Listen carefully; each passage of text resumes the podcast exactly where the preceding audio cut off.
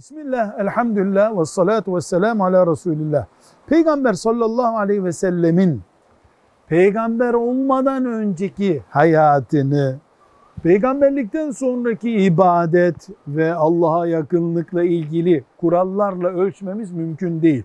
Çünkü namaz vesaire bir şey bilmiyordu. Ama peygamberlikten önce de bir, hiçbir putun önünde eğilmedi. İki, şiirle bildiğimiz şiir ilgilenmedi. Üç, içki kullanmadı, çirkin söz kullanmadı.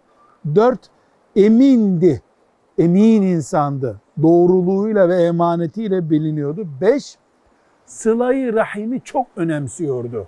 Yani akraba ilişkileri çok güçlüydü. Bu beş özelliğiyle Resulullah sallallahu aleyhi ve sellem peygamberliğinden önce de biliniyordu zaten.